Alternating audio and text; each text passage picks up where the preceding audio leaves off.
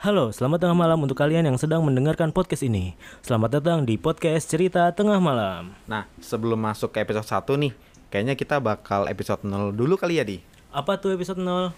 Nah, jadi episode 0 tuh kita perkenalan dulu. Perkenalan dulu kita ke pendengar-pendengar yang semoga akan setia mendengarkan podcast kita. Oh iya bener, semoga ya. Oke, kita perkenalan dulu nih. Eh, perkenalkan, nama gue Denaldi.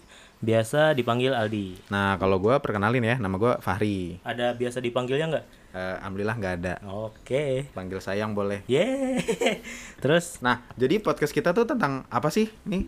Cerita tengah malam? eh, jadi cerita tengah malam ini kita bakal ceritain cerita-cerita horor dari pengalaman pribadi kita.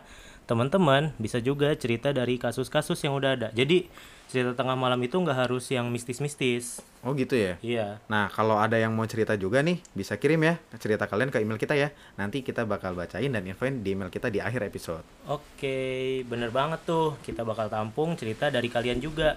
Dan kita bacain satu-satu ya. Nah, nah podcast ini bakal kita upload seminggu sekali tiap malam Jumat.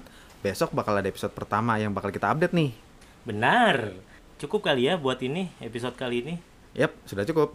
Terima kasih buat kalian yang sudah menemukan dan mendengarkan podcast cerita tengah malam ini. Sampai jumpa di episode pada malam Jumat selanjutnya. Dadah. Dadah.